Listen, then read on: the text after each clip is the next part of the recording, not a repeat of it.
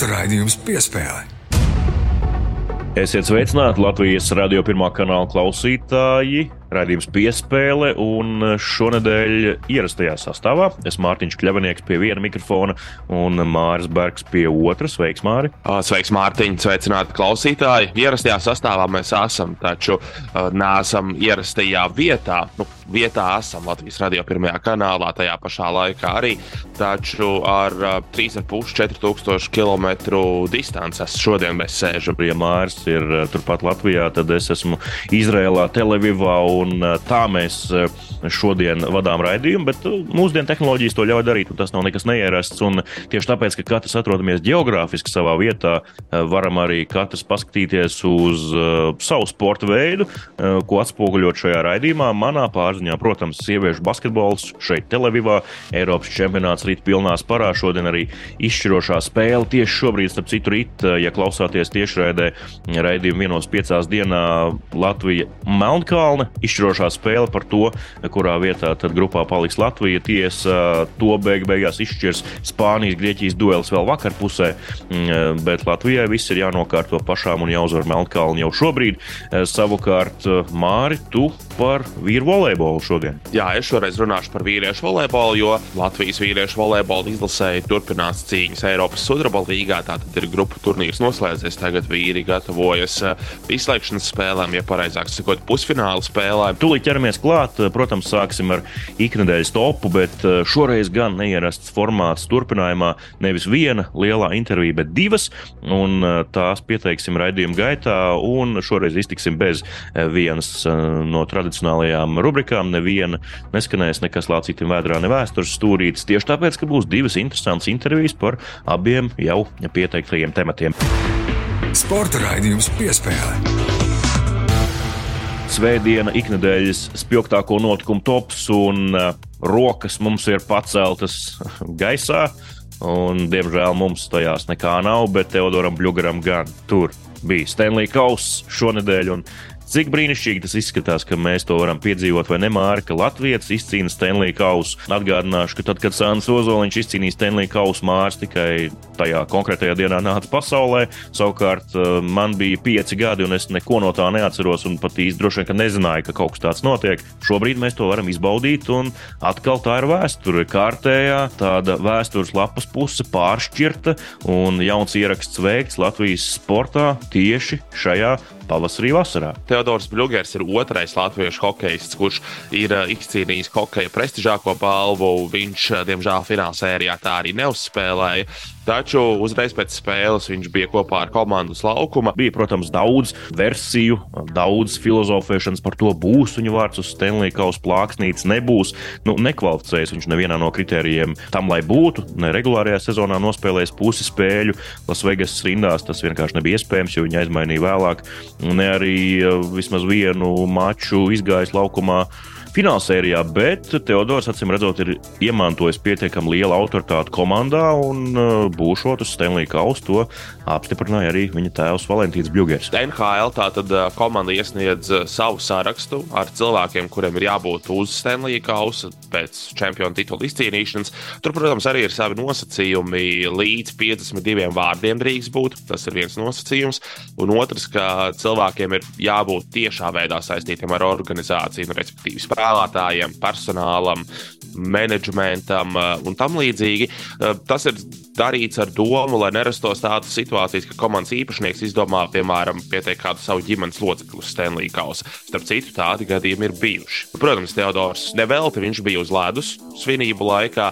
Viņš bija komandas tuvākais rezervists, galu galā arī sešās izslēgšanas spēlēs. Viņš piedalījās otrajā un trešajā kārtā, gan ne finālsērijā, taču savu artavu viņš beig beigās uh, panākumā deva. Noteikti Teodors ļoti priecīgs, bet viņam jau jāsāk domāt par biznesa pusi hokejam, jāsāk domāt par jauno līgumu starp sezonā. Uz Stanley Kausa noteikti ceļos uz Zviedriju, tas ir skaidrs. Cerams, ka pēc tam pāri jūrai, arī tepat uz Latviju, nu, vismaz uz Rīgu, ja ne uz kādu citu pilsētu. Teodors laikam dzīvo jūrmalā. Tur, kas zina, varbūt arī vēlēsies aizvest šo trofeju, bet cerības, cik es saprotu, un uh, esmu dzirdējis aizkulisku runas, ir pietiekami lielas, ka Stanley Kauss būs šovasar Rīgā. Un nedēļas spilgtāko notikumu topā nākamā pieturvieta ir šepat Televivā. Latvijas sieviešu basketbola izlase vēsturiskā mačā pārspēja Spānijas komandu. Pirmā spēle Eiropas čempionāta fināla turnīrā.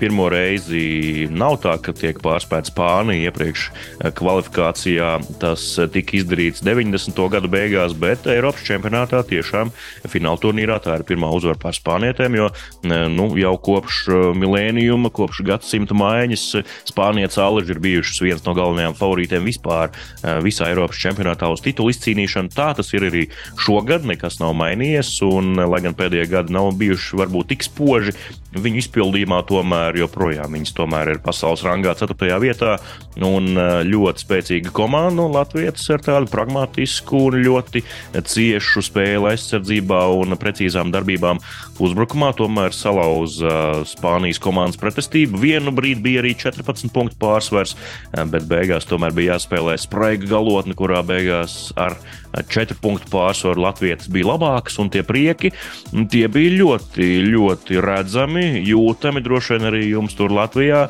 Un dāmas tiešām bija gandrīz par paveikto. To viņas arī bija pelnījušas vismaz brīdi papriecāties, lai gan ilgi nevarēja. Nākamajā dienā jau nākamā spēle pret Grieķiju, bet tomēr tajā vakarā varēja drusciņi līksmot. Pilnīgi noteikti šādas uzvaras ir jāizbauda spēlētājām, treneriem, jo, kā jau Mārtiņa minēja, Spānija ir viena no spēcīgākajām izlasēm pasaulē. Un izcīnīt šīs lielās uzvaras, tas noteikti nāk par labu pašapziņai, pārliecībai komandas. Smaga uzvara, bet runājam, Spānija ir spēcīga komanda, Latvija arī ir spēcīga komanda. To, ko tu pats arī esi ieskicējis raidījumā, labrīt, ka šajos basketbola programmās, ka Latvija arī ir labs spēlētājs, meistarīgs spēlētājs, un šajā izlasē ir eh, praktiski visi labākie, nu, izņemot Mārtiņu Gulbi, visi labākie arī Latvijas sieviešu basketbola prāti, treneru korpusā. Līdz ar to Latvijas izlase arī ir spēcīga komanda, un eh, šobrīd, jā, mūsējās turpina cīņu pret Melnkalnu Eiropas čempionāta eh, izšķirošajā spēlē grupu turnīrā. Protams, tas, ja klausāties raidījumu tiešraidē 1.15, ja klausāties to 6.20 atkārtojumā, tad rezultātu jau zinām. Arī rezultātam, protams, ka jābūt labam.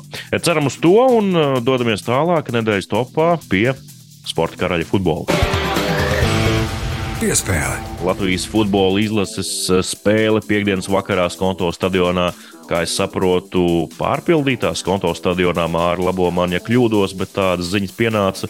Šeit vismaz atnāca līdz eh, Televivai, kas konto stadiona tribīnas bija pilns. Latvija, Turcija atkal futbola klasika, diemžēl zaudējums 2-3 beigu beigās, bet uh, bija pamatīgs trillers laukumā. Jā, Skonto stadions tiešām bija pilns, un biļetes uz šo maču bija izpārdotas jau labu laiku pirms spēles. Latvija, Turcija, Alaža eh, gaidīta spēle. Turcija vienmēr tāda nevis varbūt pārocīga komanda Latvijai, bet eh, komanda, pret kuru nu, bieži vien izdodas interesantas spēles, arī dramatiskas spēles, un arī šī bija viena no tām reizēm.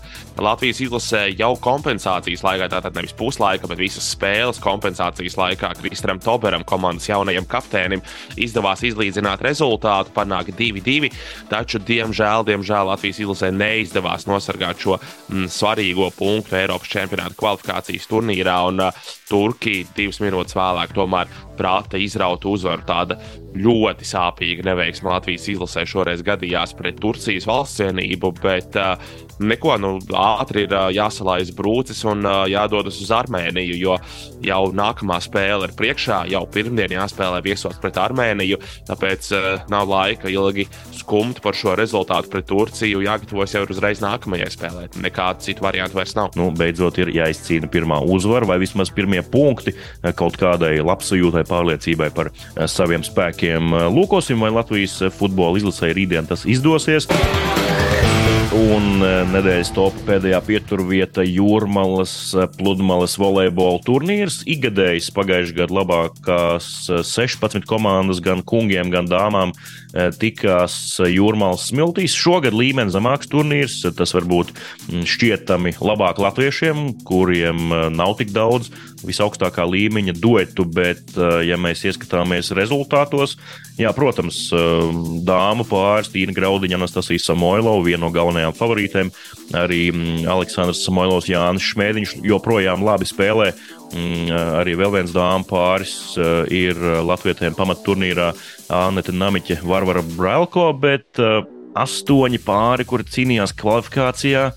nu, ļoti skumja aina. Neviens no tiem kvalifikāciju nepārvarēja. Un daudz no tiem lielais vairums zaudēja jau pirmajā kvalifikācijas kārtā. Nevis daudz zaudēja, bet septiņi no astoņiem zaudēja pirmajā kārtā jau kvalifikācijā. Nu, jāsaka, gan arī kvalifikācijā ir spēcīgi pretinieki, labi zināmi spēlētāji. Teiksim, ir pāri, kuros ir zināmi spēlētāji, kas ir mainījuši savus pāriniekus, bet uh, tas jau nemaina faktu, ka tās ir labas komandas jebkurā gadījumā. Un, uh, nebija viegli šī kvalifikācija, un uh, jā, tikai Mārtiņš Pļāviņš, Mihails Samoilovs iekļuva otrajā kārtā kvalifikācijai un uh, tur arī zaudēja. Līdz ar to Latvijas pāri bilances kvalifikācijā 1-8. Bet uh, nu, jā, tā ir kvalifikācija pamaturnīrā Tīnai un uh, Nāsķai divas uzvaras uzreiz pirmajās divās spēlēs. Viņas tā tad dara savu darbiņu, un viņām ir skaidrs, ka jūrmalā vajag nospēlēt labi. Ne tik daudz, lai iegūtu pārliecību, tas, protams, arī ir svarīgi. Ne tik daudz, lai nopelnītu arī finansiāli šajā turnīrā, bet lai krātu punktu šajā entry rangā, kas ir pats pats svarīgākais. Proti, pēc šī entry ranga spēlētāji un spēlētājas tiek pie, pielaisti turnīriem. Respektīvi, ja viņas grib uh, lielajiem elites turnīriem tikt klāt uzreiz pamaturnīros, lai nav jāspēlē kvalifikācija un tā tālāk, ir jābūt pietiekami augstu šajā entry rangā. Un jo labāk nospēlēs Tīna ar Nāstu šajā turnīrā jūrmalā, jo labāk tas būs viņām pašām, domājot jau par sezonas turpinājumu. Jā, bet ar to mēs arī liekam punktu šīs nedēļas spilgtāko notikumu topam un dodamies uh, tūlīt jau pie intervijām. Un, uh, Mārķis, ar ko sāksim? Ar tavu vai ar manu veikumu? Sāksim ar tavu veikumu, jo tomēr uh, Eiropas čempionāts basketbolā domāju, ka kotējas augstāk nekā Eiropas sudraba līga volejbolā. Tāpēc Dosim vārdu tev, Mārtiņ, un tavai sarunai. Latvijas radio pirmā kanāla sporta raidījums piespēle pārceļas laikā un telpā. Mēs tikko ar Māriju pārunājām nedēļas topu. Protams, ka Latvijas sieviešu basketbola izlases uzvara pār Spāniju ir viens no spilgtākajiem pagājušās nedēļas notikumiem Latvijas sportā. Tāpēc arī parunāsim ar vienu no Latvijas sieviešu izlases spēlētājām, mm, Aju Jurijānu. Sveikai! Sveiki! Klau uzvar pār Spāniju. Nu, droši vien, ka emocijas joprojām ir dzīves, bet cik vispār tādā īsā zibens turnīrā ir uh, laika ļauties emocijām un padomāt, kas ir izdarīts, papriecāties par kaut ko īpaši vēl nākamajā dienā uzreiz ir spēle. Es domāju, ka mēs guvām mācību pēc pirmās spēles, jo mēs bijām ļoti priecīgi, protams, un tādā mazā eiforijā, ne eiforijā. Bet, uh, Zinājām, protams, apzinājāmies, ka esam izdarījuši ļoti smagu darbu un ka nedrīkst atslābt. Bet, nu, Uh, nākamā diena, protams, pierādīja, ka nebijām kārtīgi varbūt, nokoncentrējušās, nofokusējušās. Kaut kā tā lielā, milzīgā uzvara mūs kā, paņēma no es, ne, es neteiktu, ka paņēma no mūsu koncentrēšanos, bet nu, tādā mazā eforijā, protams, bijām ieslīguši un likās, ka tā nākamā spēle nāks daudz, daudz vieglāk. Kā to vispār var pārvarēt? Nu, tie, tie ir cilvēciski, nu, tīri cilvēcisks īpašības, priecāties par panākumu. Nu, to taču nevar tā vienkārši apslāpēt kā robotu, vai ne? Nē, nu, protams, bet, kā jau pirms tam teicu, nu, reāli tas ir zibens turnīrs. Tev katru dienu, tagad, protams, mums brīvdiena rītā atkal spēle ir. Bet, nu, Viena spēle nospēlē, tev visu tu viņu aizmirsti. Protams, tās labā, labās emocijas ņem kopā ar sevi un komandu un jūti to nu, pacēlības sajūtu, ka jūs esat labu darbu izdarījuši. Bet, nu, tur nav daudz laika, ko priecāties, jo nākamā spēle atkal viss sākās no sākuma. Tur tev neviens nedod uh, plus 5 vai mīnus 5 sākot spēli. Parunāsim par šo Eiropas čempionātu, arī par uh, tavā karjerā vēl citiem, kur ir bijuši pietiekami daudz. Kā tu sajūti sevi šajā komandā? Varbūt ar ko šī komanda, šis komandas modelis ir citādāks nekā citus gadus, kad tu esi spēlējis. Kas ir tas īpašais šoreiz? Nu, šajā Eiropas čempionātā es esmu teiksim, tā visvecākā spēlētāja. Tā, jā, šogad ir daudz jaunās spēlētājas, kas nāk ar ļoti lielu enerģiju, ļoti lielu deksmu. Tas man patīk. Un varbūt no iepriekšējiem gadiem šogad ir tas kaut kā daudz vairāk jūtams, tā komandas saliedētības sajūta un tā, tāda enerģija, kas plūst cauri visām mūsu kopā vienā. Um, šogad tas tā liekas, ka vairāk nekā citus gadus. Iepriekš varbūt ir bijis tā, ka nu, tur meitene sēž uz soliņa un ir vairāk jāpaskubina, vai tur aplaudējam, esam skaļāks. Un tā. un tagad esmu novērojis, ka nu, tas soliņš vienmēr ir aktīvs un atbalsta. Patām ļoti daudz ir gājušas uh, cauri Amerikai. Un tur arī tā dzīves atdzīve ir daudz savādāka nekā, nu, piemēram, Latvijā. Un tur cilvēki ir daudz atvērtāki. Un, smaidīgāki, priecīgāki, teiksim tā. Nu. Tā kā, nu, es domāju, ka tas nāk ar katru paudzi kaut kas nu, savādāk, viena nosvērtāk. Tagad ir tāds, tāds enerģiskāks un nu, tāds tas tāds labāks atmosfēra kaut kā. Ja mēs atceramies tā ienākšanu komandā 2008. gadā, nu, ir kāds laiciņš pagājis, kā tu sev atceries, kā jauno aiju, kam bija jāienāk. Nu, ja tagad mēs saucam uzvārdus, tad ārkārtīgi eh, žilbinošā kolektīvā, ja mēs tā varam teikt. Kāda bija tava ienākšana? Uh, jā, mana ienākšana bija tāda. Es reāli apstulbu. No, uh, jo, protams, lielie vārdi bija priekšā, kas jau ir meitenes sasniegušas kaut ko. Un, uh, tagad es biju maza, mēs uh, bijām kopā nometnēs, bet es biju mazā. Tad es skatījos uz viņām, tur 21, laikam, gatavojās pasaules čempionu ar lielām acīm. Tagad es iegāju izlasēt, viņas visas jau bija priekšā. Un, uh, protams, treneris Zvirgzdiņš ar uh, visām savām sistēmām un aizsardzībām tā tālāk. Un reāli es biju nu, apstulbusi no tā visa. Bet nu, bija jāpielāgojas diezgan ātri. Oficiālajie dati saka, ka tu maijā debitēji izlasē 2008. gadā, un uh, augusts jau bija Pekinas uh, vasaras olimpiskās spēles. Tā kā tev tas karusels sāka griezties diezgan ātri, visaugstākajā uh, virzienā un ātrumā. Jā, tā varētu būt. Pirmās oficiālās spēles bija tajā maijā. Bet jau 2007. gadā es vasarā piedalījos uh, treniņu nometnē ar lielo izlasi. Bet uh, man bija jābrauc uz Ameriku uz studijām septembrī, līdz ar to es uh, nu, vairāk nevarēju ar komandu piedalīties. Un tad, jā, 2008. gadā tā bija notikumiem bagāta vasara.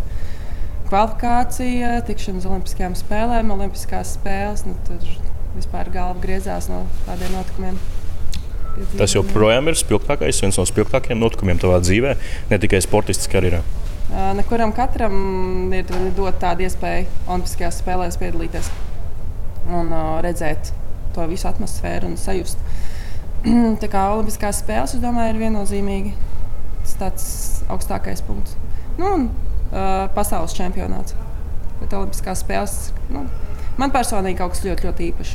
Tas bija tāds pēkšņi lēciens, tik ļoti augsts, es domāju, ka visam bija tādas emocijas, un arī nu, ne jau tikai man kā jaunajai, man kā jaunajai vispār neko tādu mūžā nebija pieredzējis. Ne treniņu procesu, ne olimpiskās spēles, ne spēles tik augstā līmenī. Tāpēc man vienkārši tur rokas kā aizdarbēja, nezināju, kas un kā jādara. Un tām pieredzējušām spēlētājām, nu, es domāju, ka arī bija mazliet līdzīgi nu, no, nokļūst Olimpiskajās spēlēs un gribās parādīt to vislabāko. Mēs ar kolēģi Mārnu Noviku vakar tieši par šo runājām. Vanesai Olimpisko spēļu laikā Pekinā bija pieci gadi. Vanesai Jasai, Aleksai Gulbei astoņi. Tāpēc nu, droši vien, ka viņas, ja skatījās, tad skatījās ar plaši atvērtām acīm uz jums droši vien to laiku. Tagad reka viņas izlasēja. Nu, arī tikām uz Eiropas čempionātu un es domāju, ka nu, kaut kur tālāk arī vēl vajag ka ir potenciāls. Kāda ir tā loma šī uh, brīža Latvijas izlasē? Tu esi mamma, tu esi pieredzējusi uh, spēlētāja, kur var stāstīt par dažādām situācijām, pateikt kaut ko priekšā, vai tu esi komandas biedrene, kur ir tāda pati tikpat līdzvērtīga kā pārējās? Vai varbūt viss kopā? Es domāju, ka es esmu tāda pati līdzvērtīga komandas biedrene kā visas pārējās. Nu, labi, es esmu pieredzējušāka un Bet, nu, es nedomāju, es tev tā neizceļu kā kaut kas tur, komandas māma vai kaut kā es nezinu. Ne. Nu, es nekad neesmu bijis tāda āršķirīga. Jā, āršķirīga vai tur skaļāka vai kaut kā tāda. Es tādu diezgan nosvērts cilvēks. Bet, nu, ja kaut ko vajag pateikt, tad, protams, nu, jaunajām tur kaut ko paskubināt vai kaut ko pateikt. Šīs Eiropas čempionāts uh, apstākļu ziņā, ko tu vari sacīt? Kā uh, organizatori jūs uzņem šeit, Televīvā, un uh, par ko tev ir prieks, par ko varbūt nav tik liels prieks, vai viss ir visaugstākajā līmenī? Nu, vieta ir brīnišķīga. Skatējs logs ir fantastisks. Jā, mēs šobrīd sēžam, redzam baseinu ar zilu ūdeni, cilvēku peldas, sauļojas. Jums gan tas pagaidām vēl nav izdevies nobaudīt to, bet uh, brīnišķīgs skats. Jā, jā nu vismaz kaut kādas. Uh, emocijas ar acīm var dabūt, paskatoties uz jūru. Tā, bet tā organizētības ziņā viss ir tiešām augstā līmenī. Nu, īsti piesieties nav kur. Nu, zāle varēja būt tuvāk šeit, ja ir sastrēgumi, tad nu, sanāk braukt kādu pusstundu vairāk. Bet, uh, spēļu zālē jau bija spēlēts atlases, nu, jā, atlases ciklā. Līdz ar to tas bija zināms. Viss, nu, zāle jauna, forši patīkami spēlēt. Tur ir. Un uh, dzīvošana arī laba. Visas komandas mēs dzīvojam vienā viesnīcā. Viss ir nodrošināts, viss, ko vajag. Nu, nav kur tā piesieties. Citos Eiropas čempionātos arī ir bijis tik saspringts tas viss, vai tur tomēr ir bijis uh, iespējams nu, pavērst acis apkārt, varbūt pat pastaigāt pa pilsētu.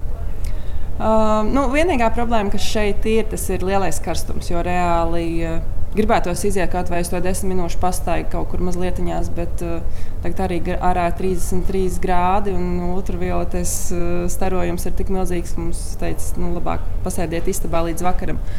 Citos čempionātos mēs uh, nebijām tik karstās vietās, līdz ar to varēja iziet ārā tur mazliet atpūsties, pelpot svaigu gaisu, nezinu, aiziet uz kādu kafejnīcu, iedzert kafiju vai tēju, vienkārši atslābināties. Nu, tad mēs vairāk pa viesnīcu dzīvojamies. No kur Eiropas čempionāta tev pašai ir vis tādas siltākās, patīkamākās atmiņas? Nezinu, vai tas saistīts ar sportisko rezultātu, vai, vai varbūt vienkārši ar sajūtu, kāda bija tur tajā pilsētā vai valstī. Nu, īstenībā Rīgā patika. Lai gan tās bija nu, mūsu mājas, bet uh, man patīk tā visa atmosfēra, kas tur bija. Visi mūsu fani, protams, Bet uh, man arī Prāgā patika, kad bija.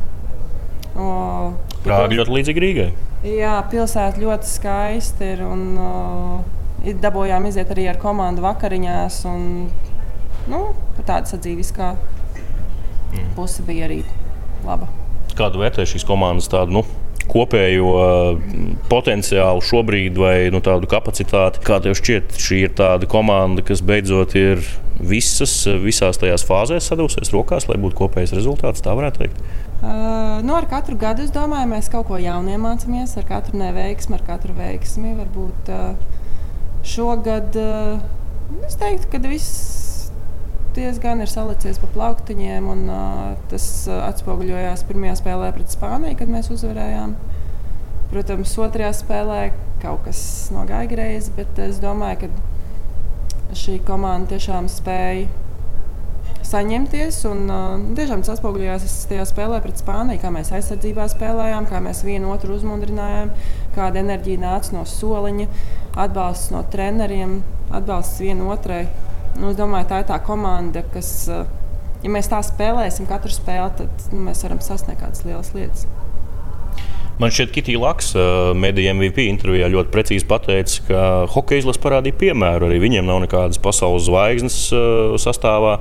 Arī jūs neesat tās, kuras atzīst par Eiropas labākajām spēlētājiem, kā kādreiz komandā bija Janita Jakobsona, Džogot vai, vai, vai pasaules superzvaigznes, bet kopā apvienojot spēkus, kas ir, var sasniegt ļoti labu rezultātu. Tas, laikam, ir tas latviešu komandu izlašu stāsts, ka, ja kāds zobratiņš ir kaut kur ārpus tā pareizā centrējuma, tad tur viss viss pārējais pajūg, vai ne? Nu, es domāju, viennozīmīgi. Nu, tas parādījās tajā spēlē, ko mēs uzvarējām pret Spāniju, kad nu, mēs visi strādājām kopā. Neviena tur vairāk kaut ko neizleca vai kaut kur.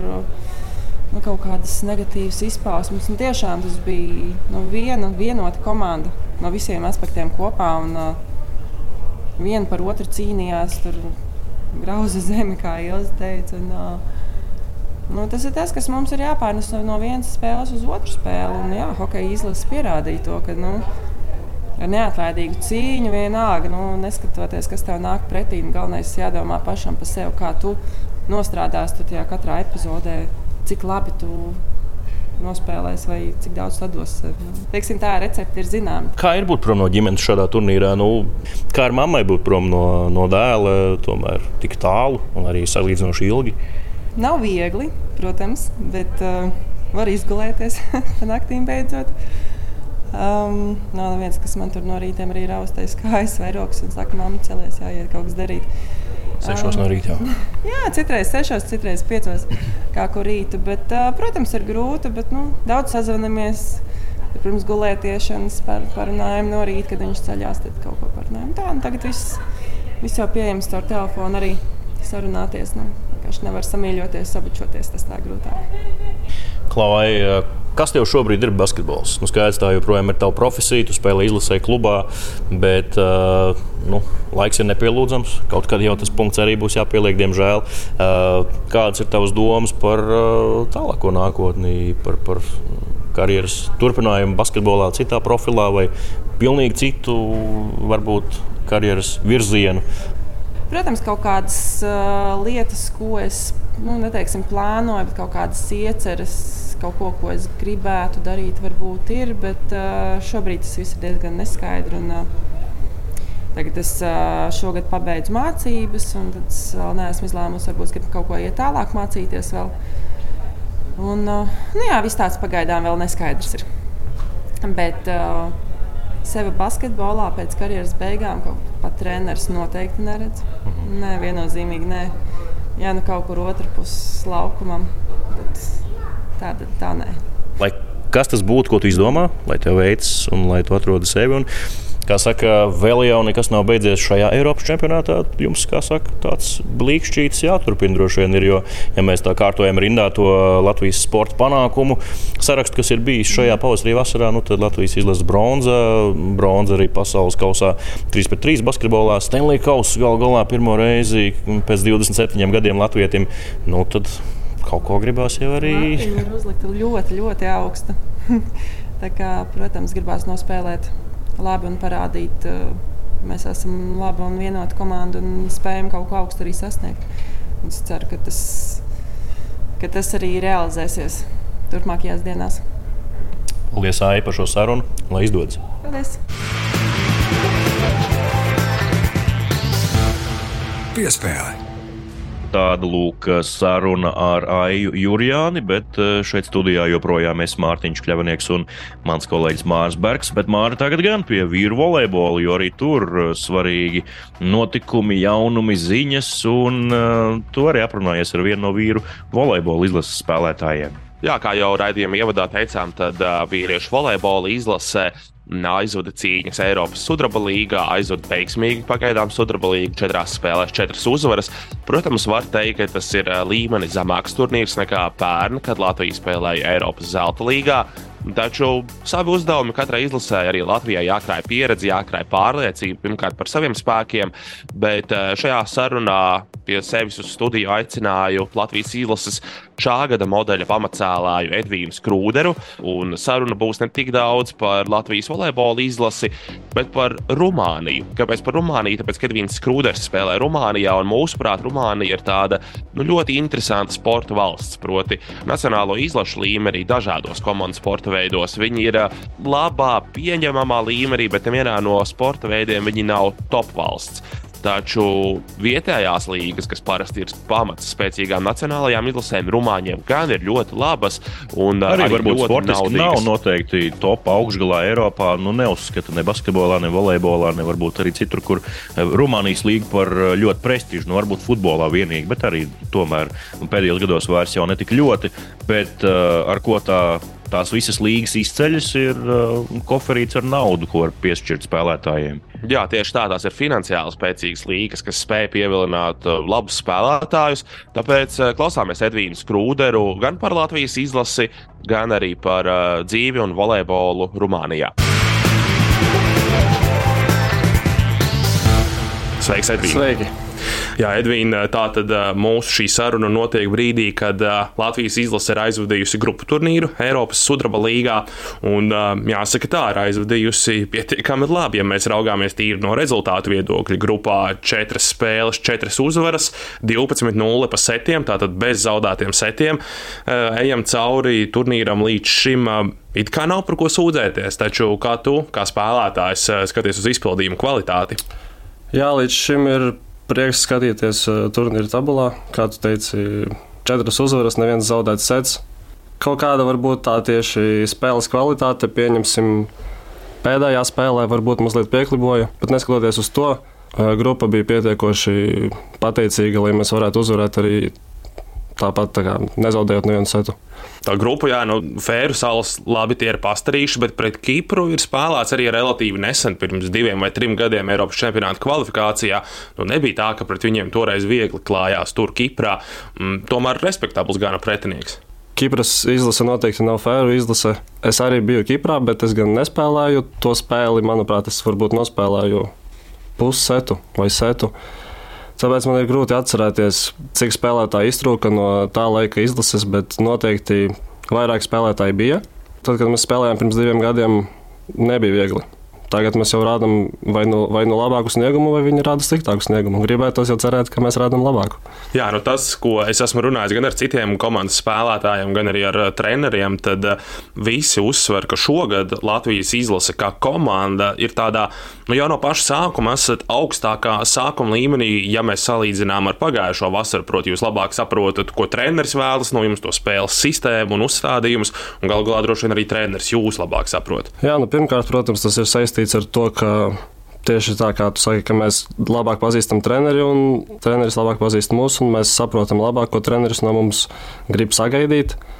Un līdz ar to mums ir tas uh, atskaites punkts, no kā mēs sākam, noteikti ir augstāk, jo mēs jau iepriekšējos gadus ar viņu strādājam un turpinam to darīt. Tāpēc tas nav varbūt tik Es ne, negribētu teikt grūti, bet vienkārši pie katra trenera ir jāpierod, jo katram trenerim ir savs kaut kāds. Uh, treniņu zīmējums, spēles zīmējums. Tagad ir vieglāk noteikt nekā pašā sākumā. Edvīna, tev šī vasara ir uh, pirmā kā izlases pamatcēlājuma nu, pēc būtības. Iepriekšējos gados tomēr Denis Petrovs ir vairāk bijis tas, kurš pilda šo lomu tieši nacionālajā izlasē. Uh, šajā gadījumā jūti kaut kādu nu, papildus atbildību, ka tu esi tas, kuram tiek uzticētas spēles, tas, kurš ir galvenais cēlājs komandā. Atbildība, protams, ir, bet es neteiktu, ka es to izjūtu tādā kaut kādā. Teiksim, negatīvā veidā, ka tas man būtu kā sloks, vai teiksim, tā, kas traucētu spēlēt. Es tieši jūtu kaut kādu vairāk papildus motivāciju. Tā atbildība ir tieši pieņemsim uz maniem pleciem. Mēs cenšamies uzvarēt, un es cenšos darīt visu to, lai, mēs, lai kā, rezultāts būtu labvēlīgs mums. Tu jau pie atbildības gala galā esi pieredzējis spēlējot Jēkabūras lūšos un esot tur pamatcēlājiem. Jā, es būtībā lūšos spēlējot visu lūšu laiku nospēlēju kā pamatcēlājs. Klau, pievērsīsimies otram šīs sarunas lielajam tematam, proti, tavai kluba karjerai, spēlēšanai Rumānijā. Aizvadīja otro sezonu šajā valstī, un vispirms gribēju palēt pastāstīt, kādas vispār ir volejbola pozīcijas Rumānijā, cik viņiem šis sporta veids ir svarīgs, populārs. Volejbols Rumānijā ir pietiekami populārs. Es gan negribu teikt, kurā vietā kaut kādā Rumānijas sporta topā atrodas volejbols, bet noteikti tas ir desmitniekā. Pieciniekā droši vien, ka tas nav populārākais sports veids. Viņam ir futbols, bet arī volejbols ir pietiekami populārs. Bet volejbols ir krietni populārāks eh, tieši sievietēm Rumānijā. Un eh, sieviešu volejbolā Rumānijā ir arī daudz vairāk naudas, un arī līdz ar to tas līmenis ir daudz augstāks. Līdz ar to arī sporta veida popularitāte ir krietni augstāka. Kā skatītāju interesi apmeklētību? No nu, ielas Bukarestē diez vai kāds baigs skrien klāt un prasa autogrāfus. Godīgi sakot, jā, ar kaut kādu atpazīstamību tur principā nu, neviens nezināja mūsu. Un arī uz spēlēm nāca pārsvarā tikai kaut kādi tuvie cilvēki, draugi un radi. Un, nu, spēlē bija tā nezinu, līdz simts skatītājiem varbūt. Nebija tā kā pie lūšiem kādreiz. Bet uh, tas ir tieši tavā klubā, Bukarestes Rapid, vai tas ir vispār tāda kopējā situācija Rumānijas augstākajā līgā volejbolā? Šo skaitli līdz simts es teicu tieši par, par savējo klubu. Citās komandās bija mazliet vairāk. Pieņemsim, Kristapa Šmita komandā, manuprāt, nāca visvairāk atbalstītāji. Nu, tur nāca uz kaut kādām svarīgām spēlēm, nu, varbūt tūkstoti viņi varēja savākt pamaz. Ir tiešām pamaz. Jā. Cik vispār ir rumāņi nu, vietējā čempionātā? Jo skatoties Bukarestes tavas komandas pieteikumu, jūs tur bijāt nu, diezgan daudz ārzemnieku. Viņi, viņi baigi spiež uz tiem ārzemniekiem. Es nezinu, nu, visticamāk, tas ir tāpēc, ka vienkārši to pašu rumāņu spēlētāju nepietiek, jo ir 12 komandas augstākajā līgā un vienkārši nav tik daudz to spēlētāju Rumānijā. Izlases spēlētāji viņiem arī tāpat kā mums izbrauc uz ārzemēm, vai viņi paliek spēlēt tur? No Rumāņu izlases tikai viens spēlētājs spēlē ārpus Rumānijas. Viņi visi, viņiem visiem patīk tas čempionāts. Viņiem labi, kā, ir labs atalgojums. Un viņi dzīvo mājās, tāpēc viņi nekur baigi neskrien uz citām valstīm. Par kādām naudām mēs runājam Rumānijas volejbolā? Skaidrs, ka nauda ir viens no faktoriem, kā pievilināt ārzemniekus jebkurā valstī uz jebkuru čempionātu. Uh, cik lielāki ir šie budžeti? Droši vien tev ir kāda nojausma, cik bija Jēkabīlī, piemēram, budžets un cik tagad ir uh, Bukarestas rapid budžets. Nu, es diezgan, es šitos, es šitos ciparus diezgan labi zinu, tāpēc uh, es varu diezgan precīzi pateikt. Bet... Nu tā, nu nes, nesauc nu, nē, nē, nē, nē, es, es, es skaidrs nē, bet ja tā ātri mēģina parēķināt, tad varbūt četras lielāks. Tas ir diezgan daudz. Varbūt pat piecreiz. Varbūt. Nu jā, bet mēs atkal nevaram salīdzināt Bukarestu un Jēkabili kaut kādā Protams, jā. iedzīvotāju skaita. Būtībā ļoti daudz naudas dod kaut kādas uh, pašvaldības. Kā lai saka, pieņemsim, uh, Dienāmo klubam ir uh, ļoti, liels finansējums no policijas. Manam klubam, Rapid, bija ļoti liels finansējums no satiksmes. Uh, kā, kā, kā, lai, kā lai nosauc departaments. Jā, nu, Jā, teiksim, tā satiksmes departamenta vilcieni un viss pārējais. Tāpēc viņi, es, es nezinu, kāpēc viņi tik lielu finansējumu piešķir tam sportam, jo tiešām tā popularitāte nav tik liela, lai piešķirtu tik lielu finansējumu. Bet tā viņi tur dara. Un uh, Bukarestas rapid ir tāda milzīga kluba sistēma, kur ir ļoti daudz dažādu sporta veidu apakšā. Jā, šim klubam ir ļoti, ļoti bagāta vēsture tiešām. Kad es biju senāk, iepriekšējā sezona bija 99. sezona kluba pastāvēšanas vēsturē, un viņi ar šo sezonu mēģināja kā gatavoties tai simtajai sezonai.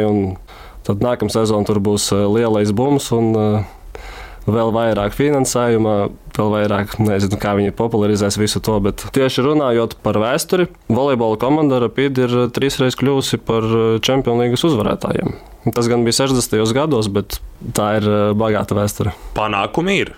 Jā.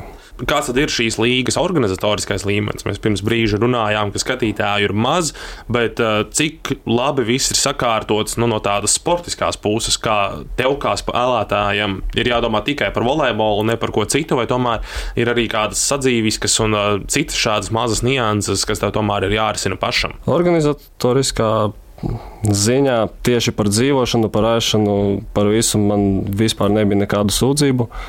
Man bija gan mašīna, man bija gan uh, ēdināšana, man bija trīs reizes dienā, man bija pašam savs dzīvoklis. Bet kaut kādā tieši spēļu organizēšanā tiesneši varbūt kaut kādas uh, sporta zāles. Volejbola līmenis, tad tieši sportiskais spēlētāju Jā. līmenis ir augsts, bet zāles gan klibo. Viss tā kopā kaut kā savācās un ir tāds priekšstats. Rumānija arī liela valsts, ir noteikti pietiekami daudz sanāk ceļošanas. Kā tur ir komandas bāzēs pamatā Bukarestē, vai tomēr ir pa visu valsti jābraukā? Šausmīgi, šausmīgi tur ir ar to ceļošanu. Četras komandas bija Bukarestē. No 12. Jā, ja nemaldos, trīs vai četras. Šķiet, ka četras. Jā, četras laikam. Kas bija tur ok, tur eh, pa pusstundiņu, pa 20 minūtēm var eh, varbūt aizbraukt uz spēli. Bet daudz komandu bija arī Bukarestā atrodas eh, kartē lejā, Rumānijā. Un bija vairākas komandas, kas atradās Rumānijā kartē pašā, pašā augšā, tur pie robežas ar Ukrajinu. Rumānijā pa vidu kartē ir kalni. Un līdz ar to tie ceļi ir ļoti vāji tajās vietās. Un līdz ar to tie ceļojumi tiešām ir ļoti gari uz spēlēm. Uz pēdējo spēli mēs braucām 13 stundas. Tālāk Latvijas volejbola izlases pamatcēlājs Edvins Skrūders. Edvins, paldies, ka atradi laiku atnākt šeit pie mums uz Doma laukumu uz studiju un aprunāties gan par Latvijas izlases aktualitātēm, gan par savu karjeru Rumānijā, tātad par tādu interesantu valsti sportā. Vēlēsim, lai izdodas tev kopā ar izlasi Eiropas sudraba līgā jau pirmkārt sasniegt izvirzītos mērķus un tad jau tālāk klubu karjerā. Jā, liels paldies jums! Lūk, saruna ar Edvīnu Skrūderu un, protams, iepriekš raidījumā arī ar basketbolistu Tāju Jurjāni. Šoreiz liekam punktu un skatīsimies, kā viss izvērtīsies nākamnedēļ. Jā, Mārtiņa, gan tev, gan uh, valsts vienībai novēlu no Telavīvas doties uz Ljubļanu, bet ar to arī izskan šīs nedēļas raidījums. Un tiešām, jā, vērosim, kā, tad, kā atrisināsies gan Eiropas čempionāts basketbolā sievietēm, gan arī, protams, citi sporta notikumi, gan jau pieminētais pludmales volejbols, rallijas liepāja. Nu, un, protams, visa nākamā jāņu nedēļa mums vēl priekšā. Klausieties Latvijas radio, īpaši raidījumu piespēli un tiekamies jau nākamā svētdienā. Visu labu! Uz tikšanos! Sporta raidījums piespēle.